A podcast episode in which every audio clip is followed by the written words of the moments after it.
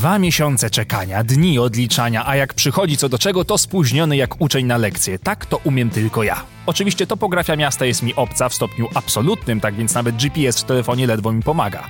Ale chyba już widzę. Tak, to tutaj. Udało się. Dotarłem. Dotarłem na zlot widzów mojego ukochanego kanału na YouTubie.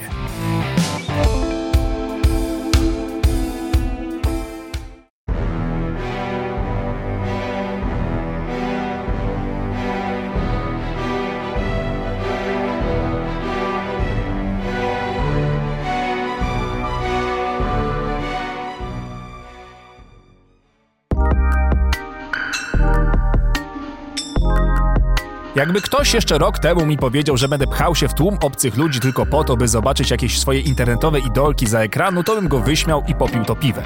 No bo serio, co może ludzi jarać w oglądaniu kogoś, kto robi jakieś pierdoły i wygłupy w internetach?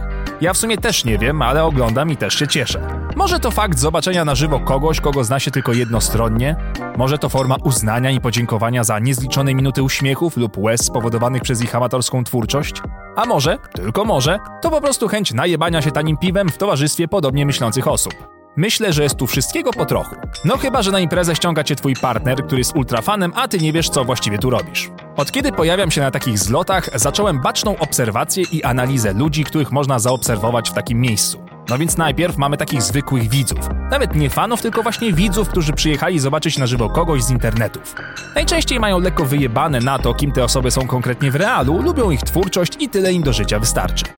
Dlaczego tu jestem? To są świetni ludzie, świetna atmosfera, ale tak naprawdę przy tym się najebać. Dzięki.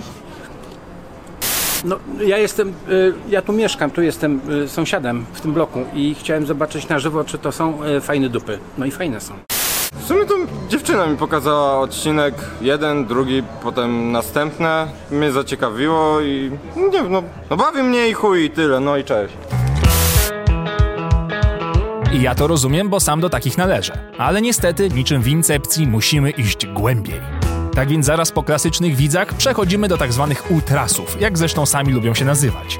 To już jednostki, które nie tylko śledzą danego twórcę od lat, to jeszcze wiedzą o nim wszystko, co możliwe do wyśledzenia z ich twórczości, pamiętają teksty z odcinków na pamięć, cytują ich śmieszkowe zdania i nierzadko ubierają się w odzież z logotypem ich kanału. To tacy zajawkowicze, którzy po prostu bardzo, ale to bardzo lubią dany kanał. Wciąż jednak nie przekraczają granicy dobrego smaku bycia normalną jednostką ludzką. Boże, to jest najlepszy kanał. Oglądam go od 12 lat, subskrybuję go na Instagramie, na Twitterze, na YouTubie, na Facebooku. A ja byłam w gangu dzwoneczka, zanim pyknęło im 10 tysięcy subów. Pozdrawiam! I to też jest zrozumiałe, to znaczy mnie byłoby szkoda na tak dogłębne poznawanie kogoś, kogo faktycznie nie znam, ale może to jak interesowanie się postacią z fikcyjnego uniwersum, także akceptuję.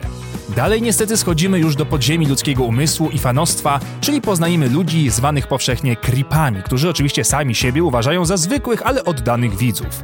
Ale po pierwszych słowach już wiesz, że jest z nim coś nie tak. Widziałem, jak jedna z nich się spociła. Dałbym się pokroić dla kawałka takiej koszulki. Zauważyłem, że Moniczka ma miseczkę B. Dziwne, bo zawsze miała miseczkę C. Dziwne, bardzo dziwne. Po takich tekstach już wiesz, że zaczyna być lekko nieswojo i że za zasłoną bycia widzem, czy jak to woli fanem, czai się coś bardziej mrocznego. Takich ludzi unikam, bo nie chcę, żeby ktoś pomyślał, że też taki jestem, no bo to po prostu kurwa dziwne. Aczkolwiek po nich jest jeszcze jedna, ostatnia i według mnie najbardziej przerażająca grupa wiernych widzów. To już nawet nie są creepy. To ludzie, w których oczach widać pustkę, próżnię, w której zdają się dryfować jedynie odłamki szaleństwa albo czegoś jeszcze gorszego. Monika! Tak! Najbardziej lubię te odcinki, kiedy widać im stopy. Po prostu no ja nie to wzięłabym, to jest takie zbrudne, zapocone, po prostu cały dzień w trampkach stopy, tak jak mnie po prostu lizała, kurwa, cały dzień. Albo te odcinki, kiedy widać im włosy w nosie, po prostu, mm, jak ja bym je wyrywała, albo włosy, tak po prostu cały dzień mogłabym je obśliniać. Zgubiłem książkę! Halo, widział ktoś książkę taką? Buszujący w zbożu. Marzę. Autografię. Od dziewczyn.